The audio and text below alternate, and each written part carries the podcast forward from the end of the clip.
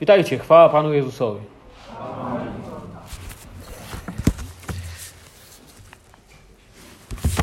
Jesteście kochanym zborem. Od razu, jak tylko zaczęliście śpiewać, poczułem się tu dobrze. I nie próbuję, wiecie, jakiejś takiej uprzejmości, takiej, takiego zapychacza czasu, no bo coś trzeba powiedzieć na początku. Tylko chcę Wam naprawdę powiedzieć, że cieszę się, że mogę dzisiaj tutaj stanąć przesłaniem Słowa Bożego, dlatego że y, ten zbór jakby no przez ostatnie 30 lat nie odwiedzałem, ale jest w moich wspomnieniach, dlatego że jeszcze jako niewierzący człowiek tutaj na rowerze jeździłem. Wychowałem się na osiedlu Wojska Polskiego. I jako dzieciak jeździłem na rowerze i pamiętam kiedyś, wydaje mi się, że to było kiedyś mniejsze, albo może, albo może mi się wydaje, może drzewa były, nie wiem. Ale kiedyś jadąc rowerem z lotniska, y, słyszałem, jak tu były otwarte okna i słyszałem pieśni. I wtedy koledzy mi powiedzieli, że tu się spotykają kociarze i śpiewają. Się zastanawiałem, co to są ci kociarze? Kto to jest? Nigdy nie wiedziałem, że zostanę pastorem kociarzy kiedyś. I że będę służył i że tak bardzo pokocham to. Tak nie wiem, czy kojarzycie, tak nas tam kiedyś nazywali.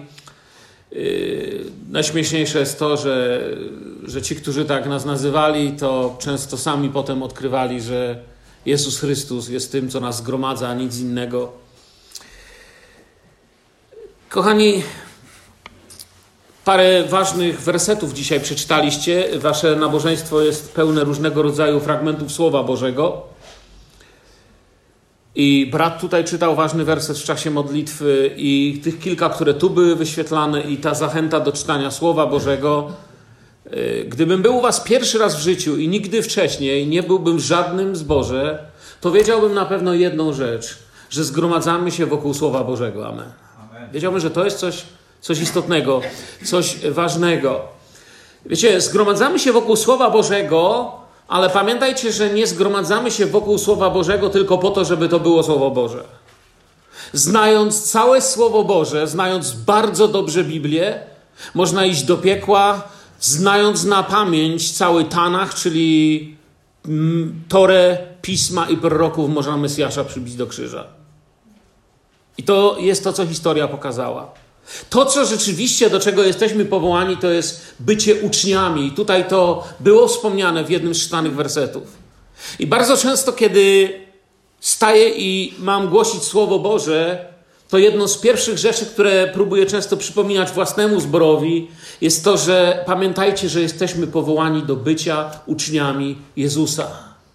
Nie jesteśmy jakimiś hobbystami, którzy namiętnie czytają różne tłumaczenia Biblii dla samego tego, że znają Biblię. Samo poznanie jest niczym, jeżeli nie będzie z tym połączone to z posłuszeństwem. Zgodzicie się? Amen. Można fajny czas spędzić, ale ważne jest to, co się dzieje z tym, kiedy wychodzimy. Kiedyś w czasie postu i modlitwy przyszła nam taka myśl do głowy, że to naprawdę, chodziło wtedy o nasz zbór, gdzie wtedy byłem pastorem, że to naprawdę kim jesteśmy, nie zobaczymy wtedy, kiedy jesteśmy tu, to znaczy na naszym nabożeństwie. To, co naprawdę, kim naprawdę jesteśmy, zobaczymy, kiedy jesteśmy tam, poza naszym nabożeństwem. Na ulicach, w pracy, w szkołach, w biurach, w domu. To, co dzieje się tu, jest tylko wynikiem tego, jak żyjemy tam. Pomazanie, którego doświadczamy tu, jest wynikiem tego, na ile prowadzimy od rana zwycięski plan czytania Biblii, na ile jesteśmy posłuszni Słowu Bożemu na co dzień, na ile napełniony przychodzisz tutaj i na ile jesteś tu w imieniu Jezusa.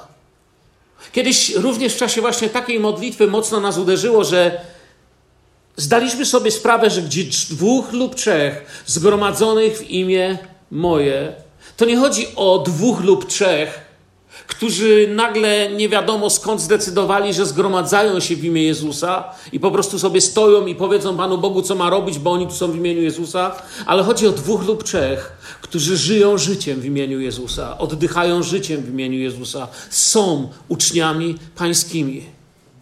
Powiedziałem kiedyś do mojego zboru takie słowa. Zabierzcie z waszego zboru, zabierzcie bycie uczniami czy z naszego, czy z waszego, z każdego kościoła i zgromadzenia, zabierzcie bycie uczniami Jezusa, a absolutnie nasze zgromadzenie traci sens. Zgodzicie się ze mną? No po co jeszcze się spotykać, jeśli byśmy nie mieli naśladować Jezusa? I to jest to, co stało się przesłaniem, nie wiem, w jakiś sposób mojej służby, mego życia, moim marzeniem. Chcę być uczniem Jezusa. Zdaję sobie sprawę z moich niedoskonałości, zdaję sobie sprawę z rzeczy, które trzeba zmienić, i właśnie dlatego chcę być uczniem Jezusa, bo On pokazuje, w jaki sposób, będąc tym, kim jestem, mogę w codziennym życiu naśladować mojego zbawcę i wypełniać Jego wolę dla mojego życia. Chciałbym dzisiaj przejść do takich dwóch wersetów, które czasami czytając y, Ewangelię tak przelatujemy.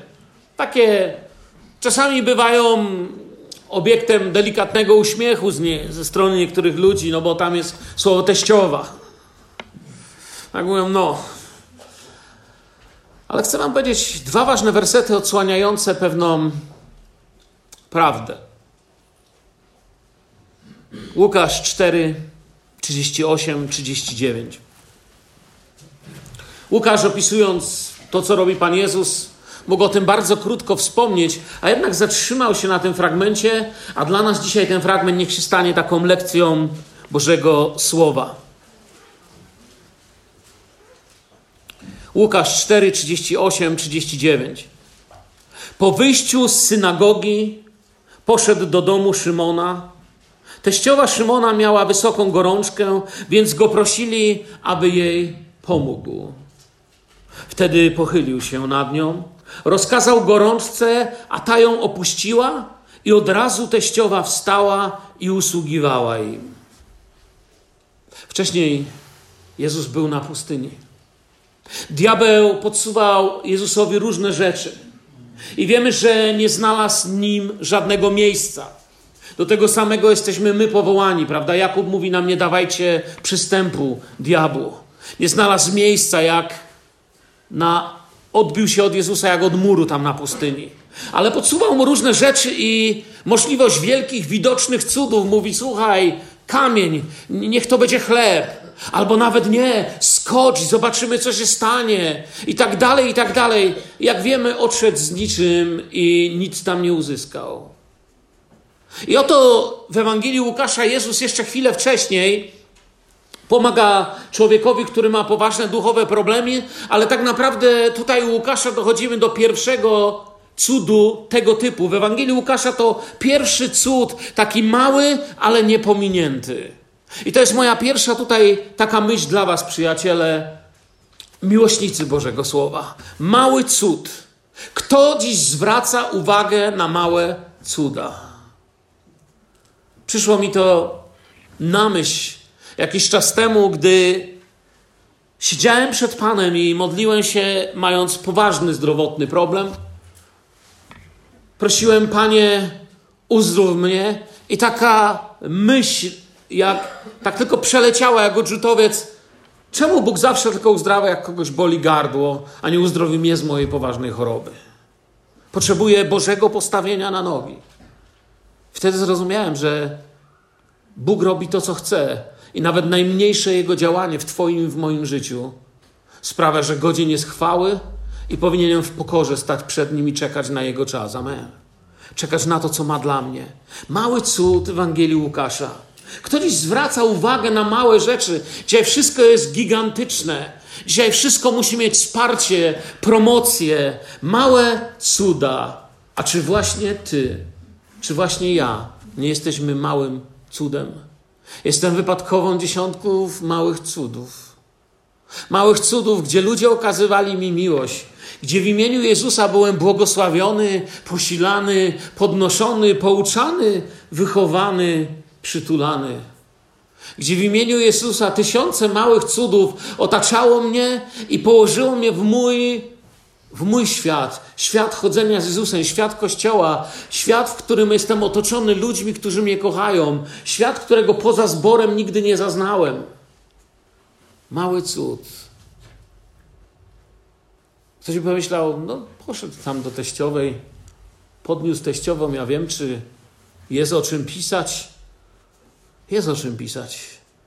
Zresztą czasami kiedy się dzieją wielkie cuda, to zdarza się, że i bywały pretensje do Pana Boga, że nie uczynił małych. Nie wiem, czy pamiętacie, kiedy Jezus w końcu doszedł do Łazarza, przychodzi tam, mówią mu, no, że za późno, bo Łazarz już niestety gdzie?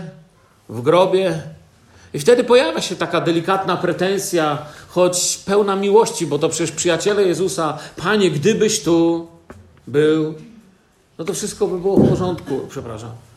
Chłopisko by zachorowało, wyzdrowiałby i nie trzeba by było tego grobu, tego wszystkiego, ale Bóg ma na wszystko swój czas. On czyni rzeczy tak, jak chce, a każda z nich wskazuje na Jego imię, na Jego wspaniałość, na Jego dobro.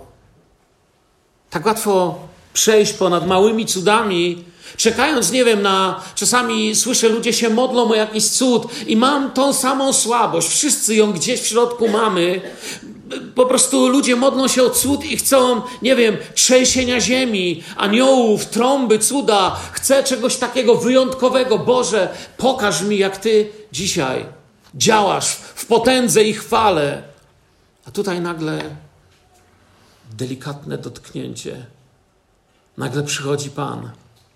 Doświadczamy wielkiego pokoju w Duchu Świętym, doświadczamy wyciszenia w Bogu, podnosimy się i mówimy: Panie, dziękuję Ci, że byłeś blisko, że nie zostawiłeś mnie samotnego w tym, przez co idę.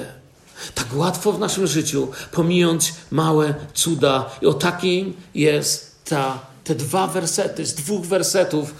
To, to najbardziej tam widzę.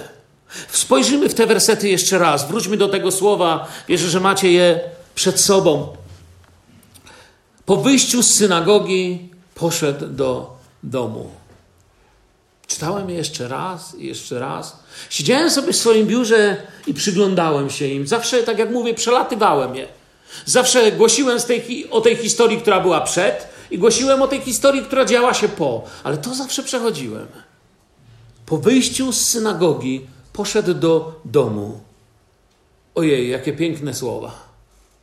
Może jeszcze nie słyszycie, co mówię, ale usłyszycie. Powiem to tak.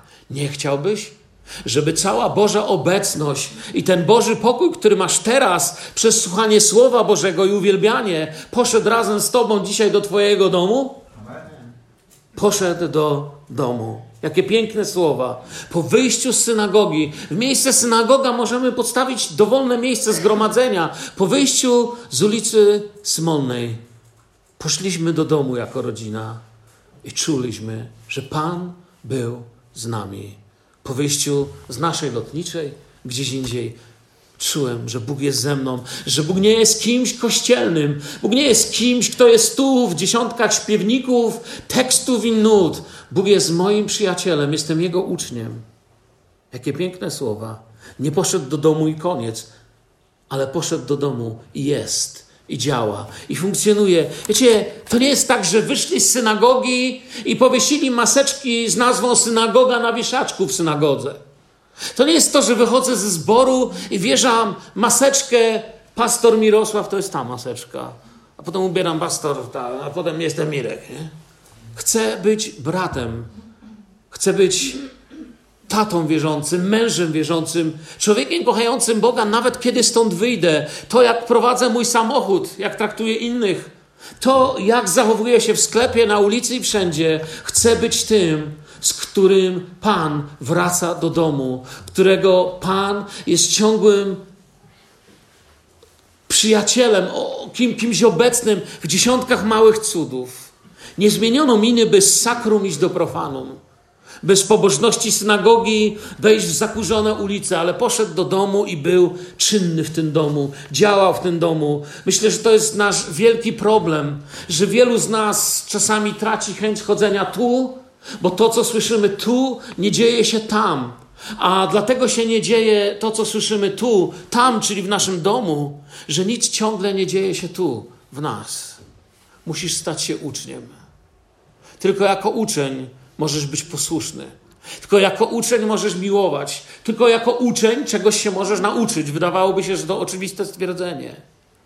Ja pamiętam czasy, gdzie chodziłem dawno, dawno temu do innego trochę kościoła. I pamiętam, że pierwszą rzecz po wyjściu z kościoła, którą Robiliśmy to dos dosłownie, nie zdążyliśmy zejść nawet dobrze ze schodów kościelnych, a już człowiek zapalał papierosa. Już wchodził stamtąd tu.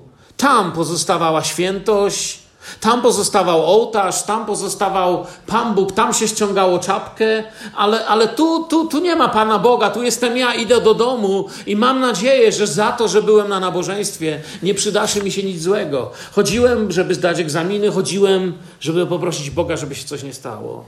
Nie znałem Go, nie wiedziałem, że On jest Bogiem, który chce kochać, chce wędrować ze mną, chce mnie uczyć. Święte zostawało tam w kościele, gdzieś tam, a codzienność, no niestety nie chciała być taka, jakbym sobie to wymyślił. Ten dom, do którego poszedł Jezus, w tradycji czy w historii Kościoła, był nazywany Domus Ecclesias. W historii Kościoła był uznany za pierwsze miejsce chrześcijańskiego zgromadzenia, wtedy kiedy wierzący zaczęli zgromadzać się po domach, gdzie wczesny Kościół, wiecie, nie był Kościołem, to dopiero 300 lat po Jezusie wpadliśmy na to, co mamy tu. Wcześniej Kościół zgromadzał się w bardzo dziwnych miejscach. Nie miał wielkich bazylik, kaplic czy, czy, czy, czy, czy tak zwanych budynków zborowych. Miał domy modlitwy. Czasem mniejsze, czasem większe zgromadzenia kochały Pana Boga, był przede wszystkim nielegalny Kościół. Wiara w Jezusa kosztowała dużą cenę. Jezus nie mógł być tylko kimś realnym na nabożeństwie. Jezus, którego wierzyło się wtedy, musiał być kimś realnym po nabożeństwie. Musiał być kimś realnym zarówno kiedy Kościół się zgromadzał w ciszy swojego zgromadzenia, jak i wtedy, kiedy wychodzili z więzami na dłoniach, z łańcuchami na nogach, na piach koloseum, aby przy ryku tłumów, przy dziczy, która kupiła bilety na igrzyska, jeszcze raz ostatni powiedzieć: Jezus jest realny. Pan Bóg. Pan Bóg jest moją realnością, jest tam, dokąd zmierzam. Dom Ojca jest tym, w co wierzę. Jezus. To oni przez swoją postawę wzbudzali strach tyranów, i zadziwienie prześladowców, że potrafili iść z więzami na nogach i mówić: Niech Was błogosławi Pan, i modlić się o swoich prześladowców. To oni, jak wielu w historii wczesnego Kościoła, jako ostatnie swe życzenie i pragnienie wyrażali chęć pomodlenia się o własnych prześladowców. Znane są przypadki, że prześladowca nie był w stanie wykonać wyroku. Osobiście miałem przyjaciela, który został skazany na karę śmierci, miał być rozstrzelany. I wyprowadzili go do lasu. I kiedy żołnierz zaproponował mu, to było w czasie wojny gruzińsko-osetyńskiej, kiedy żołnierz zaproponował mu ostatniego papierosa, on odmówił tego ostatniego papierosa. I ten żołnierz gruziński się go pyta, to co chcesz jako ostatnie życzenie, bo zaraz ci muszę kulę w łeb wpakować. On mówi, ostatnie moje życzenie jest takie, chcę się o ciebie pomodlić i położył rękę na jego ramieniu i zaczął się modlić o błogosławieństwo nad jego domem, rodziną i życiem. Słuchajcie, on nie był w stanie wykonać na nim tego wyroku. On patrzy na niego i mówi: Słuchaj, ty nie mój wrog, ty nie mój wrak. Ty żaden mój wróg nie jesteś. Moim większym wrogiem jest komandir, który mi cię kazał zestrzelić. Ja strzelam w górę, a ty uciekaj, człowieku. I niech ten twój Bóg będzie z tobą. To jest, to jest ta realność Jego na co dzień. I w prześladowaniach, i w korkach, i w kolejkach. Jezus poszedł do domu. Jest Bogiem, który nie zostaje w synagodze i w kościele. Nam słowo podaje tylko tutaj teściową.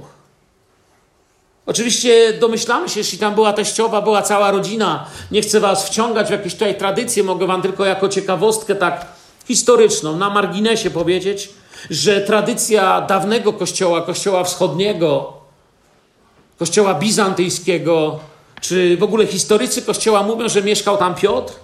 Podobno jego żona się nazywała Joanna i gdzieś nawet ludzie, słuchajcie, ja nie wiem skąd oni to biorą, ale tak ta tradycja wschodnia mówi, wygrzebali, że córka Piotra nazywała się Petronela. Ciekawe, nie? Ja nie wiem skąd oni to biorą. Jak to pierwszy raz przeczytałem, że, że, że tak, yy, tak myślą, myślę, ciekawe skąd to wziąć, ale nigdy nie znalazłem źródeł historycznych na to. W każdym razie wiemy na pewno, że poszedł do domu i wiemy, że była tam teściowa. I ta piękna rzecz się dzieje dalej. Teściowa Szymona miała wysoką gorączkę, przy 38 werset, więc go prosili, aby jej pomógł. Myślę, że mogę sobie darować zbyt wielkie mówienie na temat modlitwy wstawienniczej, bo pewnie nieraz tutaj na ten temat to mieliście. Była otoczona modlitwą, byli ludzie, którzy zawsze są potrzebni i w domu, i w kościele są potrzebni ludzie, którzy mają odwagę wstać i powiedzieć: Będziemy się o kogoś modlić. Innymi słowami, mówiąc to bardziej prosto, będziemy o tym człowieku mówić do Pana Boga. Bo jak pokazuje nam doświadczenie życiowe, lepiej się rozmawia z Panem Bogiem o ludziach niż z ludźmi o Bogu. Jest większy pożytek. A więc poprosili, aby jej pomógł. Była otoczona modlitwą. Tamci ludzie nie daliby temu definicji modlitwa wstawiennicza. Powiedzieliby tak: kochamy ją i potrzebujemy, żeby Jezus nie był tylko realny w synagodze, ale aby również był realny w moim domu. Czy nie macie takiego pragnienia? Czy nie siedzicie czasem smutni w swoim domu i nie pragniecie, Panie, tak pragnę, tak, tak bardzo chcę, byś był realny w moim codziennym życiu. Nie chcę być wysiadywaczem kościelnej ławki. Chcę być kimś, kto za Tobą wyrusza i doświadcza Ciebie od początku, każdym dniem, każdą nocą, każdą modlitwą. Chcę, gdy kiedyś się zamkną moje oczy. Pierwsze, co chcę zobaczyć, gdzie zamkną moje oczy, jesteś Ty. A ostatnim, co chcę wymówić, jest Twoje cudowne imię. Chcę dla Ciebie żyć na tym świecie. Takie mamy pragnienie. A Jezus mówi, to jest możliwe. Czyś to u Łukasza lekarza. Wiecie, w którym miejscu coś lekarza? Marek pisze na przykład, Marek nie był lekarzem. Czasami się mówi, że Marek to tak pisał jak do Rzymian, nie? Krótko, jasno. Rzymianie nie mieli czasu na to, co Żydzi, nie? Żyd Józef, syn to i syn. Rzymianie, chłopie, daj spokój, o kogo chodzi? Po rzymsku. Dzisiaj byśmy ktoś powiedział po amerykańsku, wiecie. Kiedyś pamiętam, jak byliśmy z żoną w szkole biblijnej, to wstał jeden brat i mówił 15 minut, a tłumaczka słuchała, słuchała, słuchała. I w końcu, kiedy skończył 15-minutową odpowiedź, musiała przetłumaczyć bratu, który miał się pomodlić o jego prośbę, to powiedziała do tego brata, jego siostra jest chora. I ona to zrobiła po marykańsku, on to robił, wiecie, tak iście po bizantyjsku. Czuć Łukasza, lekarza. Marek pisze właśnie, że gorączkowała i to wszystko, ale Łukasz Pisze, że to była wielka gorączka i używa tutaj tego słowa, jeśli chodzi o gorączkę, o jej wielkość, znaczy megas, czyli byśmy powiedzieli dzisiaj mega gorączka, pisze Łukasz. Wiecie, w tamtych czasach nie było za dużo książek lekarskich, nie było może tego języka medycznego tak rozwiniętego i ogólnie choroby, przynajmniej dla przeciętnego człowieka, dzieliły się na dwie.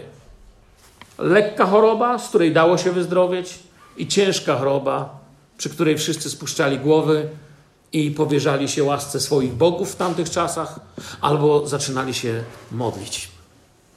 Tak w tamtych czasach to dzielono. I Łukasz pisze, że to właśnie była taka gorączka. Lekarze tamtych czasów inaczej nie dzielili. Mała gorączka, duża gorączka, duża oznaczała, że ktoś jest chory i ma naprawdę duże problemy. I teraz popatrzmy na to tak trochę sercem. Kiedy będziemy dziś wracać do domu, byśmy mogli coś z tym tekstem zrobić. No bo ja nie chcę, żeby było tak, ktoś powie, cześć, jedziecie do domu, co było? Jakiś kulec był. Skąd? Nie wiem, chyba z lotniczej. Coś mówił. No, no Jezusie mówił. No. Coś się da z tym zrobić? Nie, nie, no okej, okay, chłop gadał, właściwie nic złego nie powiedział. Ja nie chcę tak. Chcecie takiego zboru? Pragnę zboru, z którego wracam i mogę zastosować, mogę powiedzieć: poucz mnie, Duchu Święty, wprowadź mnie w głębie Twego słowa gorączka. Gorączka sprawia, że człowiek jest obojętny i nic mu się nie chce. Każdy z Was kiedyś miał gorączkę. Każdy z Was gdzieś tam leżał na jakąś grypę. Człowieka wszystkie gnaty bolą, ruszać się nie chce. I nawet mogą dzieci wpaść do pokoju z ekscytacją, krzyczeć chodź, chodź zobaczyć, tato, jaki kotek za oknami. Albo kolega krzyknie, słuchaj, ciekawy samochód, tobie się nie chce, masz gorączkę. Chce ci się ruszyć, patrzeć na coś, jak masz gorączkę? Czy ktoś inna nic nie chce? Nie chce mu się nawet iść do łazienki, idzie tylko dlatego, że musi. A potem się kładzie i znacie to uczucie, jak jesteś chory, jak masz gorączkę, jak się położysz, jak wrócisz z łazienki albo z kuchni się napić wody, to aż ach, oby już nikt niczego nie chciał.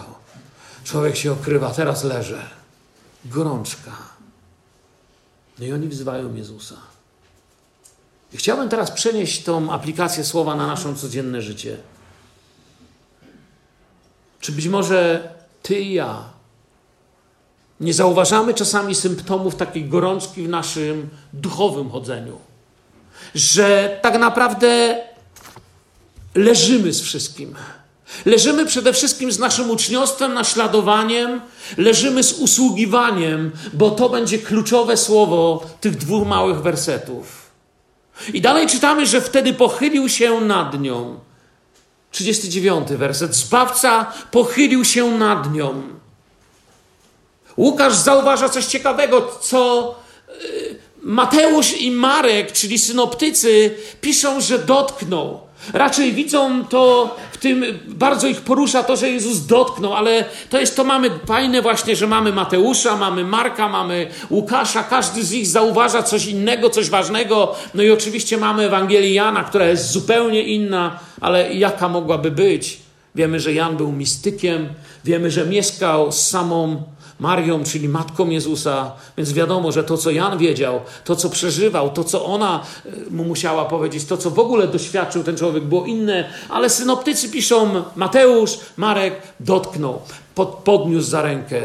Łukasz zauważa głębiej tajemnicę tutaj, bo bada, bo, bo słucha, jest blisko Piotra. On działa słowem, zauważa Łukasz.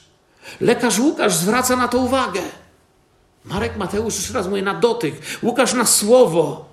Natychmiast kojarzy mi się tutaj Psalm 40 też, kiedy siedziałem sobie w biurze i myślałem, Jezus podchodzi do chorej, pochyla się nad nią, to momentalnie w głowie, wiecie, absolutnie natychmiastowe połączenie, że tęsknie, tęsknie czekałem na Jachwę, pisze psalmista w 40 psalmie. Czekałem z tęsknotą na Jachwę, a On się nade mną pochylił.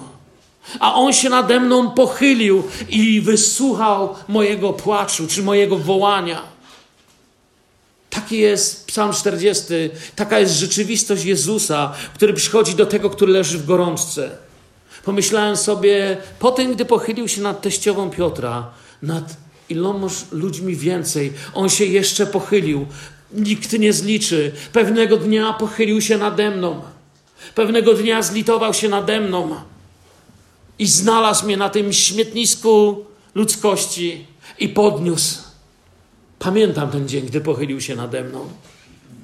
Nad kim się człowiek pochyla? Człowiek pochyla się nad tym, kto upadł. Człowiek pochyla się nad tym, kto leży. Pochylamy się nad tym, kto mocno upadł. I Jezus sługa podnosił tych, którzy leżą. A kiedy nas podnosił, wiecie, to jest dla mnie ciekawe, że kiedykolwiek Jezus patrzył na kogoś z góry, usłyszcie mnie teraz. Wierzę, że to jest coś, co Słowo Boże nam objawia. Kiedykolwiek Jezus na kogoś patrzył z góry, to tylko po to, aby go podnieść i usłużyć. Z góry Jezus patrzył na tych, co leżą i podnosił ich. Na niewidomych, co żebrzą i podnosił ich z góry Jezus patrzył na nas z krzyża i podniósł nas, i zbawił nas, i oczyścił nas. Nigdy, jeśli jesteś uczniem Jezusa, nie patrz na ludzi z góry. Syn Boży patrzył na ludzi często też od dołu.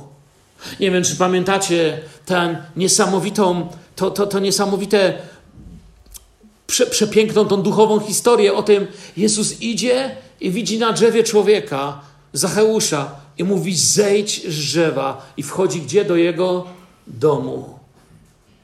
Kiedy grzesznik schodzi z drzewa, jest błogosławiony przez tego, który jest w drodze na drzewo.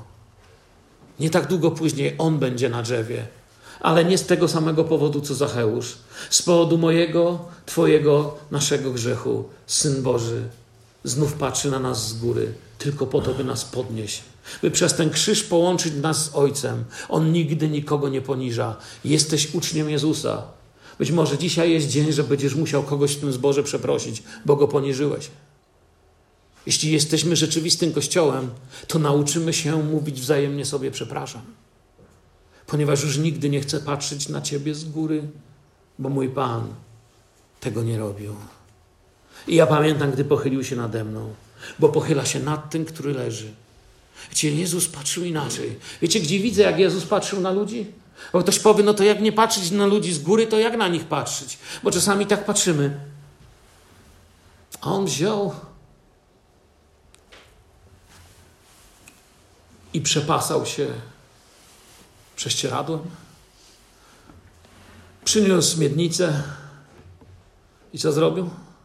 I umył uczniom nogi. Spróbujcie patrzeć na człowieka z góry, myjąc mu nogi. Nie da się. Myjąc komuś nogi, można patrzeć na niego tylko z dołu. Jezus mówi: To jest to, czego was uczę. Chcecie wchodzić w moje ślady? Chcecie jakiejś zmiany naprawdę? To posłuchajcie, czego was uczę. Włożył. I co psalmista pisze dalej w psalmie 40? że wołał i Pan się pochylił. I co się, co się dzieje, kiedy Pan się pochyla? Podnosi i dalej psalmista pisze, włożył w moje usta pieśń nową ku czci naszego Boga. Wielu to zobaczy, przejmie ich trwoga i okażą swą ufność, ufność wobec Jahwe. Możemy tam przetłumaczyć. Jezus spogląda. Wołałem, wołałem do Jahwe, a On się nade mną pochylił. I patrzę na niego i uzdrawia teściową, uzdrawiał mnie, uzdrawiał ciebie, wiele razy działał w naszym życiu i podnosi. I jest piękne, dochodzimy do centrum tego, co naprawdę te dwa wersety nam chcą powiedzieć. I od razu teściowa wstała i usługiwała im. Po co był ten cud? Tekst daje odpowiedź, ale nie dostrzegamy tej odpowiedzi, nie dostrzegamy tego słowa. Skupiamy się albo na uzdrowieniu, albo biegniemy dalej. Skupiamy się albo na gorączce, albo na cudzie, ale nie patrzymy, co się dzieje wobec prawdziwego Bożego cudu, kim staje się człowiek. A tym właśnie stajesz się, jeśli doświadczasz cudu spotkania z Jezusem. Najważniejsze słowa tego tekstu, które zamieniają go w lekcje, które dają mu sens, bo jeśli by ten tekst tylko mówił o tym, że wszedł do teściowej, uzdrowił ją i poszedł sobie, a teściowa żyła długo i szczęśliwie, nic się z tego nie uczysz. Tylko tyle, co już wiesz, że Jezus uzdrawia, no to to wiedziałeś i wcześniej. Wstała i słyszymy to słowo? Usługiwała im. Żyjemy w czasach takiego chrześcijaństwa fryzjerskiego. Ludzie się przyzwyczaili przyjść sobie do zboru, usiąść na krzesełku, proszę mnie obsłużyć. Muzyka dzisiaj była, no może być. No, Piotrze, twój krawat mi się nie podobał. Proszę następnym razem to zmienić. Ja płacę i żądam. To nie jest Kościół. Nie wiem, co to jest, ale nie Kościół. Jeżeli Jezus mnie dotknął i podniósł z martwych do życia, to On zawsze podnosi z martwych do życia, aby usługiwać. Aby Jego uczeń jest kimś, kto się uczy od tego, który nie przyszedł, aby być obsługiwany, ale przyszedł, aby służyć. Więc jeśli jestem uczniem, to tego się będę uczył.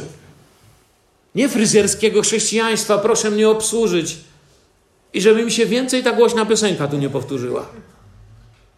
Wiecie o co chodzi? Ludzie, którzy stracili Jezusa z pola widzenia, zajmują się głośnością muzyki i cudzymi butami. Ale kiedy masz Jezusa, jesteś usługującym. I wtedy mniej patrzysz na style, bo Pan Jezus nie patrzy na styl. Pan Jezus patrzy, nie patrzy, czy to styl muzyki jest głośny, czy cichy, czy masz buty brązowe, czy czarne. Bóg patrzy, z czym przyszedłeś i jakim jesteś sługą. Kiedyś jedna z rzeczy, co mnie niesamowicie poruszyły, byliśmy w jednym zborze jako goście i był wieczór młodzieżowy, słuchajcie. Wiecie, jak wyglądają wieczory młodzieżowe teraz w zborach? Absolutnie wiecie, technika i 3D. Słuchajcie, jak rąbły, dymy, armaty, światło, jak to zagrało, ja myślałem, że mnie wywieje. Doszłem do wniosku, że jestem stare pokolenie. Ale stoimy tam z bratem z tyłu i nagle buzie nam się otwarły. Otwierają się drzwi i wiecie, kto przyszedł na to? Seniorzy się zmówili przeciwko młodzieży i przyszli i zaczęli chodzić po całej sali, kłaść ręce i błogosławić swoje wnuki, swoje dzieci i modlić się o nie. Nie patrzyli na muzykę, nie patrzyli na ściany. Oni wiedzieli, że światełka zgasną, dymek przeciąg wywieje, ale Jezus w duszy zostanie. Że ten, który ma teraz 15 lat, będzie miał kiedyś 20 i nigdy nie zapomni, że jego babcia przyszła na młodzieżowe, przytuliła go i modliła się ze swoim wnukiem. Podoba Wam się to? To jest kościół służby. Sługa nie ma pretensji do Pana o kolor ścian. Sługa nie ma pretensji do Pana, że mówi do niego w piżamie. Sługa jest po to, żeby służyć, a nie oceniać. I to jest to, do czego pociąga nas Jezus. Najważniejsze słowa tego tekstu wstała i usługiwała. Sens wszelkiego cudu w kościele, sens czynienia cudów przez Boga, to jest, by człowiek Boży wstał i usługiwał. Nie po to, żeby napisał o książkę, ale chwała Bogu, ja go napiszę. Bo co by pastor Piotr czytał? I ja, bo my lubimy książki, nie? Ja kocham. Może nie mam tyle co Piotr, ale też ponad 3000.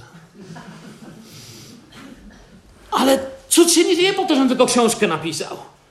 Nie po to, żebym miał sławę, żeby wszyscy mówili, o, o, to ten, Bóg go uzdrowił. Nie będę wam mówił nazwisk, bo, bo tu nie chodzi o to, żeby kogoś obgadać z kazalnicy. Ale znałem dość znanego kaznodzieję, znaczy kaznodzieję czy głosiciela słowa, którego właśnie z takiego nieszczęścia Bóg podniósł. I zaczął usługiwać w wielu miejscach. I również mój znajomy zaprosił go do siebie do zboru. Nie chcę wam powiedzieć kto, to nie ma znaczenia. Chcę wam pokazać, jak się człowiek może zgubić w tym, kiedy nie służy. I był szokowany. Oczywiście to, była, to były Stany Zjednoczone, amerykański kaznodzieja, znany w wielu kręgach naszych w Polsce. I on dzwoni do niego i mówi: Słuchaj, chciałbym, żebyś do mnie przyjechał na usługę. Oczywiście nie rozmawiał z nim, tylko z jego sekretarzem. Sekretarz mówi: Rozpatrzymy i odpiszemy. I odzwaniają po pewnym czasie i mówią tak: Samochód, który po niego przyjedzie, to musi być Mercedes i musi mieć 22 stopnie klimatyzację nastawioną. Brat będzie usługiwał tylko, jeżeli przekroczycie 3,5 tysiąca osób. Jeżeli nie przekroczycie 3,5 tysiąca osób, nie usłuży w waszym zborze. Czujecie? Mój przyjaciel mówi, wiesz co, zdenerwowałem się.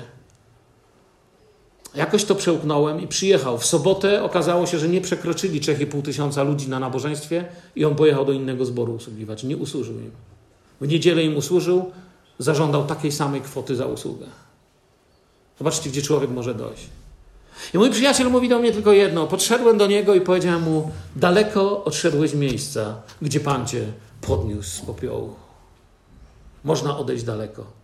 Może nie tak widocznie jak ten amerykański mówca, ale można odejść w swoim środowisku, może ci się zacząć wydawać. Wiesz, kiedy to samo zaczniesz robić? Kiedy idziesz po ulicy i zobaczysz pijaka, zobaczysz biedaka i myślisz sobie, pijaczyna wredna jedna. Nie to co ja, trzeźwy, czysty. Uwierz mi, gdyby Bóg cię nie podniósł i nie pozbierał, to jesteś o jeden milimetr od bezdomności i nędzy. Nie dasz rady temu sam, jeśli Pan nie okaże ci łaski. To jest to, co musimy doświadczyć w naszych czasach, zobaczyć. Ona wstała i usługiwała. Krótko mówiąc, chcę dziś powiedzieć: jesteśmy powołani do służenia sobie. Służba zmienia. Przeżyłem wiele pięknych chwil z moimi dziećmi, ale jedna zapamiętałem. Siedzi tu dzisiaj Daniel, mój syn. Ciekawe, czy ty to pamiętasz, bo ja to zapamiętałem. Nie był gotowy, że to będę mówił. Wiecie, jak jest z rodziną pastora, co ten tata powie znowu. Poszliśmy kiedyś do McDonalda. Chodził jeszcze do technikum. I siedział chłop, mokry. Pamiętasz tego faceta? Mokry, zmarznięty gość. I zatrzymałem się koło niego. Podłożyłem na nim rękę i zapytałem się gościa, chłopie, jadłeś coś dzisiaj? On, wiecie, spojrzał na mnie, na Daniela, patrzy, czego faceci chcą od niego w ten wieczór i mówi: Nie, nie jadłem dziś. Ja mówię: Przyniesiemy ci jedzenie. Poszliśmy do tego McDonalda, bo to jest ulubione miejsce, gdzie się żywi Daniel, znaczy żywił, nie wiem czy jeszcze teraz. Ale kupiliśmy te kanapki, ja temu gościowi kupiłem, wiecie, torebkę i mówię do Daniela, idź mu zanieść. Już pamiętasz tę sytuację, czy nie? I powiedział mi wtedy piękne słowa, które mnie zbudowały przez to, że usłużyłem. Ja się nie chrzczycę moją służbą. Chcę was zachęcić, byście służyli, bo służba was będzie budować. Służba będzie zmieniać wasze dzieci. Wasze dzieci nie zapamiętają tego, że co niedziela musieliście chodzić do kościoła, ale zapamiętają to, że byliście kościołem. Że jesteście uczniami Jezusa. I mówię do Daniela, masz i zanieś temu panu tą torebkę. On zaniósł tą torebkę. Wrócił poruszony. I powiedział mi najlepsze słowa, jakie syn może powiedzieć tacie. Nigdy ich nie zapomnę. Zapisałem je w swoim sercu. Tato, kiedyś, kiedy będę zarabiał, chcę być taki jak ty. Dał mi dar i siedzi tu ze mną dzisiaj. Dziękuję za te słowa. Wiecie, o czym teraz mówię? Ja mu nie robiłem lekcji moralności. Synu, jak będziesz grzeczny, chcesz iść do nieba, to musisz. Nie, to nie o to chodzi. I tu jest ta właściwa odpowiedź na cud. I ja się ciągle tego uczę, ciągle popełniam błędy, ciągle mi się zdarza pominąć ludzi, ciągle mi się zdarza ich nie zauważyć, nie ukochać tak jak należy, ciągle mi się zdarza osądzić ich moją cierpliwością, moim gustem i tym, jak ja bym to widział. Ale uczę się i was do tego samego zachęcam. Ja już jestem taki u starszych maluchów, uczę się ciągle. Już na truje szynami bym może zdał u Pana. Na szczęście on nie ocenia. Zachęca, podnosi i mówi idź i służ. I wiecie, uwolniona, jak każdy cud zresztą, każdy cud od nawrócenia do uwolnienia, uzdrowienia, prowadzi do naśladowania Jezusa, czyli do służenia. Ona im nie, ona im nie usłużyła tutaj w sensie, wiecie, że w czasie przeszłym. Wzięła i usłużyła. Mamy tu czas przeszły, niedokonany. To jest coś, co trwało. Historycy Kościoła mówią, że tam się zaczął spotykać pierwszy Kościół, Kafarnaum. Tam się zaczęła spotykać ta gmina chrześcijańska. Nie Piotr był tym, który się troszczył o to, żeby tam było wszystko, a właśnie teściowa Piotra. Piotr miał inne zadania w tamtym czasie, przynajmniej tak mówią historycy Kościoła. Ale idziemy dalej. Nie nawracamy się po to, przyjaciele, by się doskonalić w dojściu do świętości, która da nam jakiś rodzaj, nie wiem, oświecenia, doskonałości, do bycia guru do jakiegoś rodzaju nirwany, czy miejsca, kiedy rano wstanę i poczuję, że już naprawdę jestem tym, czym Bóg chce, żebym był. Wstajemy, by służyć, by uczyć się w własnych słabościach i niedoskonałościach być jak Jezus. Ona nie poczuła się lepiej fizycznie, w sensie, że po prostu kobieta wstała i fizycznie jej było lepiej, ale tam się stało coś więcej. Zwróćcie uwagę, wstała i zaczęła im usługiwać. Powiem wam to innymi słowami. Wstała i stała się częścią rzeczywistości otaczającej Jezusa. Czy moja osoba wnosi w życie ludzi rzeczywistość Jezusa? Czy służę moim dzieciom, mojej żonie, mojej rodzinie, mojemu zborowi sercem pełnym wybaczenia, zrozumienia? Czy umie mówić przepraszam? Czy umie nieszczęśnika przytulić i patrzeć na niego z dołu? Czy umie podnosić bliźniego i go kochać? Bez tego spotkania z Jezusem można chodzić całe życie do kościoła i pozostać leżącym w pościeli chrześcijaninem, który wygodnie korzysta z służby innych.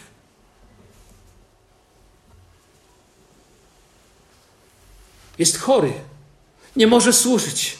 Ma rodzaj religijnej gorączki, w której bredzi, w której wie, zna wszystkie odstępstwa, wie, co jest nie tak, wie, w którym kościele, kto gdzie, który kaznodzieja ma drugą żonę. Jednej rzeczy tylko nie wie, do czego jest powołany i komu naprawdę ostatnio jego życie było błogosławieństwem. Chce być uczniem Jezusa, który niesie pokój, a wy? Który niesie błogosławieństwo i służbę. Powiem wam tak, człowiek, który chce mu tylko usługiwać, poszukuje niewolników, nie braci. Człowiek, który chce, żeby tylko go obsługiwać, poszukuje niewolników. Nie jest kimś, kto poszukuje braci. Ma raczej ambicje faraona niż naśladowcy Jezusa. Oczywiście potrzebuję służby innych. Nie wiem, czy wiecie. Jest tu Eliza w jej domu. Gdyby nie ich dom, gdyby nie jej tata, brat Zbyszek Copczuk, w ogóle nie byłbym chrześcijaninem. On mi okazywał cierpliwość. On mnie przytulił na ulicy, jak się rozpłakałem i wykrzyczałem mu w twarz, że Bóg nie istnieje. To ich dom usłużył mi. I naprawdę mi służyli. Nie wiem, czy wiecie, jako młody chrześcijanin, napalony na wszystko, to wasz brat Piotr Żądło nie odrzucał mnie, nie poniżał, nigdy mnie nie spławił. Nigdy nie powiedział, weź już idź gaduło, skończona mam cię powyżej uszu. A miał mnie nie raz, to wiem. Ale był mi przyjacielem i dlatego to zostało. Bo naśladowanie Jezusa to służba. Nie jestem kimś, kto szuka niewolników. Jestem kimś, kto chce być pośród braci. I tego Wam chcę życzyć. Jak mówię, potrzebujemy służby innych. Bez niej już bym zginął. Ale pragną Bożej, pragnąc Bożej obecności musimy to usłyszeć. Jezus mówi, otóż ja jestem pośród was jak ten, kto służy, mówi przez Łukasza. Albo tak niechaj każdy myśli o nas jako o sługach, pisze Paweł do Koryntian, sługach Chrystusowych i o szafarzach tajemnic Bożych. Mam coś, co może światu usłużyć, a nie świat potępić, a nie świat osądzić. Jezus mówi: Nie potępiajcie i nie osądzajcie. Wiecie dlaczego to mówił? Bo wiedział, że będzie takie rzeczy, będzie co potępić i będzie co osądzić. Mówi też: Wybaczajcie, bo wiedział, że będzie co wybaczyć. Nie mówił tego, żeby było literacko pięknie. Wiesz, no ładnie Jezus powiedział: Nie potępiajcie, nie osądzajcie, wybaczajcie, ale wiesz, oni mi naprawdę coś zrobili. Jemu też naprawdę zrobili. Właśnie o to naprawdę chodzi. Bo jeśli jesteśmy podniesieni w Chrystusie do życia, to Słowo Boże nam mówi, że nasza rzeczywistość się zmienia tak. Takiego bądźcie względem siebie usposobienia, jakie było w Jezusie Chrystusie, który chociaż był w postaci Bożej, nie upierał się zachłannie przy tym, aby być równym Bogu, lecz wyparł się samego siebie, przyjął postać sługi i stał się podobny ludziom. Dlatego musimy zwrócić uwagę na ten mały cud. Dlatego błędem jest niezwracanie na niego uwagi, a on jest wielkim drogowskażem. My myślimy, o, teraz to uzdrowił tylko teściową, ale czekajcie, dopiero się będzie działo. Czytaj dalej. Tam Jezus dopiero będzie robił rzeczy. Tam będzie podnosił zmartwych. Trąd będzie ustępował. Demony będą uciekać. To tutaj całe sedno. Początek początków sens cudu i Bożego działania, by człowiek Boży wstał i mógł usługiwać. Pan nie biegał za wielkimi rzeczami. Wiecie, tłumy chcą wielkich cudów. Tłumy chcą potężnych imprez, ale chcę wam powiedzieć, potężne cuda więcej w czasach ostatecznych wykorzystywał Antychryst niż Duch Święty. Duch Święty skupił się na małych cudach w naszych domach. I pewnego dnia przyjdzie dzień, kiedy ostatni taki cud się stanie. Jest czas łaski. I wiecie, gdzie jest największy cud? Ludzie mogą robić wielkie rzeczy, potężne imprezy, ogromne przedsięwzięcia. Mogą zbudować największy budynek kościelny świata i mówić: Popatrzcie, nawet inni przyjadą zrobić zdjęcie, jaki mają budynek. Mogą wybudować 150-piętrowy wieżowiec, zrobić najnowocześniejszy samochód i świat będzie robił zdjęcia i mówił niesamowite, musicie to zobaczyć, jaki geniusz ludzki, ale niebo milczy. Ale kiedy gdzieś w Kalkucie albo w piwnicy na wojska polskiego ktoś z głosicieli Ewangelii chwyta grzesznika za rękę i mówi powtórz za mną słowa. Panie Jezu, Panie Jezu, Przyjdź do mojego życia, przyjdź do mojego życia. Ziemia milczy, świat milczy, wiadomości zajęte są brudami, ale niebo staje i w niebie rozpoczyna się co? Wielka chwała i uroczystość. Całe niebo zaczyna się radować, bo jeden mały grzesznik, Bóg mówi: To na mnie robi wrażenie. To na mnie robi wrażenie, że przez ciebie ludzie mnie poznają. Wstań, mój przyjacielu, bądź zdrów i służ. To na mnie robi wrażenie. To, to, to że, że Jezusa świat zobaczy przez moje życie. Poszedł do teściowej Piotra. Popatrzcie, kim ona była w tamtej kulturze. Wiemy, jaka to była kultura. Kobieta. Większość z tych facetów się nie liczyła w ogóle z kobietami. Staruszka to już zupełnie się z nią nie liczyli. Mieszkająca w nie swoim domu. A nawet jeśli dom był jej, a Piotr by się przeprowadził, to nie był jej, bo zgodnie z prawem tamtejszym wdowa nie dziedziczyła. Rodzina, jeśli jej córka miała męża, to ta rodzina dziedziczyła. Takie było prawo. Kto z liderów religijnych przejmował się jakąś wdową? Jakąś teściową? Ale wiecie co? Ich imiona przeminęły. Ich imion już nie ma i nikt ich nie pamięta. A dziś o niej tą niedzielę Kościół czytał w Biblii. Ich już dawno nie ma. Jeśli się nie nawrócili, umarli i to nie nasza rzecz. Bóg wie, co się stanie. Ale o niej dziś czytamy, bo Pan Jezus dziś do Ciebie chce powiedzieć. Chce, żebyś wyjeżdżał z tego parkingu. Uprzejmie ustąpiwszy miejsca ten, którzy najpierw wyjadą. Żeby w drzwiach podał rękę temu, o kim może nieżyczliwie mówiłeś. Abyś podszedł do brata, z którym ostatnio się nie układało, albo siostry. Bóg mówi, chce Cię podnieść, żebyś służył. Chce zabrać z Twego życia smutek i żal. Chce, żebyś służył. Po wyjściu z synagogi Jezus nadal działa. Po wyjściu z tego zboru Jezus nadal działa. On się nie zmieni. On tutaj dziś nie zostanie. Wiecie, kościołem jesteście wy. Mój zbór bardzo często słyszy takie słowa: Nie chodzimy do kościoła. Kościołem jesteśmy. Może jutro jakiś tyran przejąć władzę i zabrać nasz budynek i wasz. I tutaj równie dobrze jutro ktoś może zrobić warsztat samochodowy, ale kościoła nie zabije tym, że zabierze wam budynek. Kościół ma się źle wtedy, kiedy ktoś zabierze wam serce, ktoś zabierze ci pokorę, ktoś zabierze ci łagodność, ktoś zabierze ci to dobro, które patrzy na bliźniego z dołu. To jest to, co wam chciałem dziś powiedzieć. To, czym żyję, czego sam się uczę, w czym popełniam błędy. Powstańmy, chciałbym się z wami pomodlić. Można, Piotrze, jeszcze?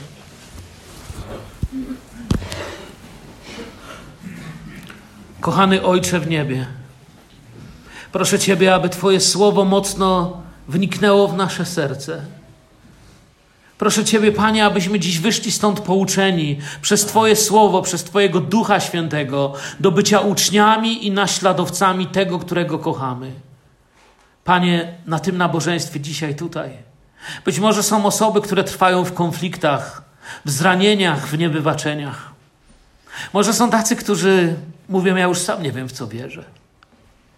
Proszę Ciebie dzisiaj, abyś Ty był tym, który zabierze gorączkę tej choroby. Zabierze to chorowanie na samego siebie i na bycie obsługiwanym. Podnieś nas do służby.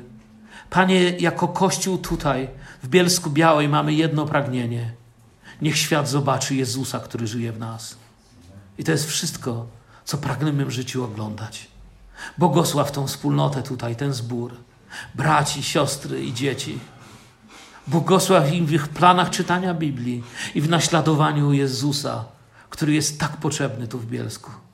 Tobie chwała i cześć Zbawicielu. Amen. Amen. Na koniec korzystam z możliwości. Przekazuję Wam wszystkim pozdrowienia od naszego zboru, od Filadelfii. Ustaliłem to wczoraj z pastorem Edwardem. I chcę Wam podziękować, że mogłem mieć przywilej być tutaj. Dziękuję, że mnie przyjęliście. Niech Pan Was błogosławi. Amen. Kochani, y, może stójmy jeszcze przez moment i jeśli jakoś serce reaguje na to słowo, niech to będzie wypowiedziane, czy cicho, czy głośno, też w naszych modlitwach i na zakończenie tej modlitwy wspólnie zaśpiewamy potem jeszcze pieśń kończącą nabożeństwo. Ale myślę, że jest ważną rzeczą, żebyśmy w jakoś naszych sercach zareagowali na to, co Pan mówi. Tak, Panie, ja też chcę mówić tak. Chcę być Twoim sługą. Chcę być tym, który kroczy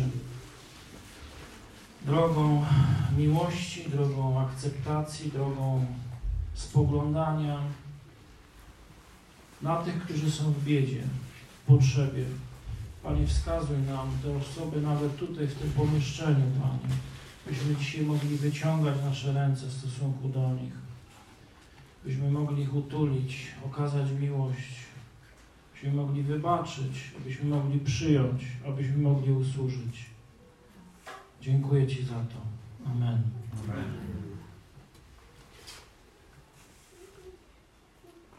Panie, ja Ci chcę dziękować, że to Ty najpierw pochyliłeś się nad nami, Panie, i że to wcale nie musimy postanawiać, y, ale że to wynika właśnie z tej zmiany, którą Ty poczyniłeś w naszych sercach, Panie, że jeśli nasze serce będzie zmienione, nie ma innej możliwości, jak tylko naśladowanie Ciebie. Panie, dziękuję. Amen. Amen.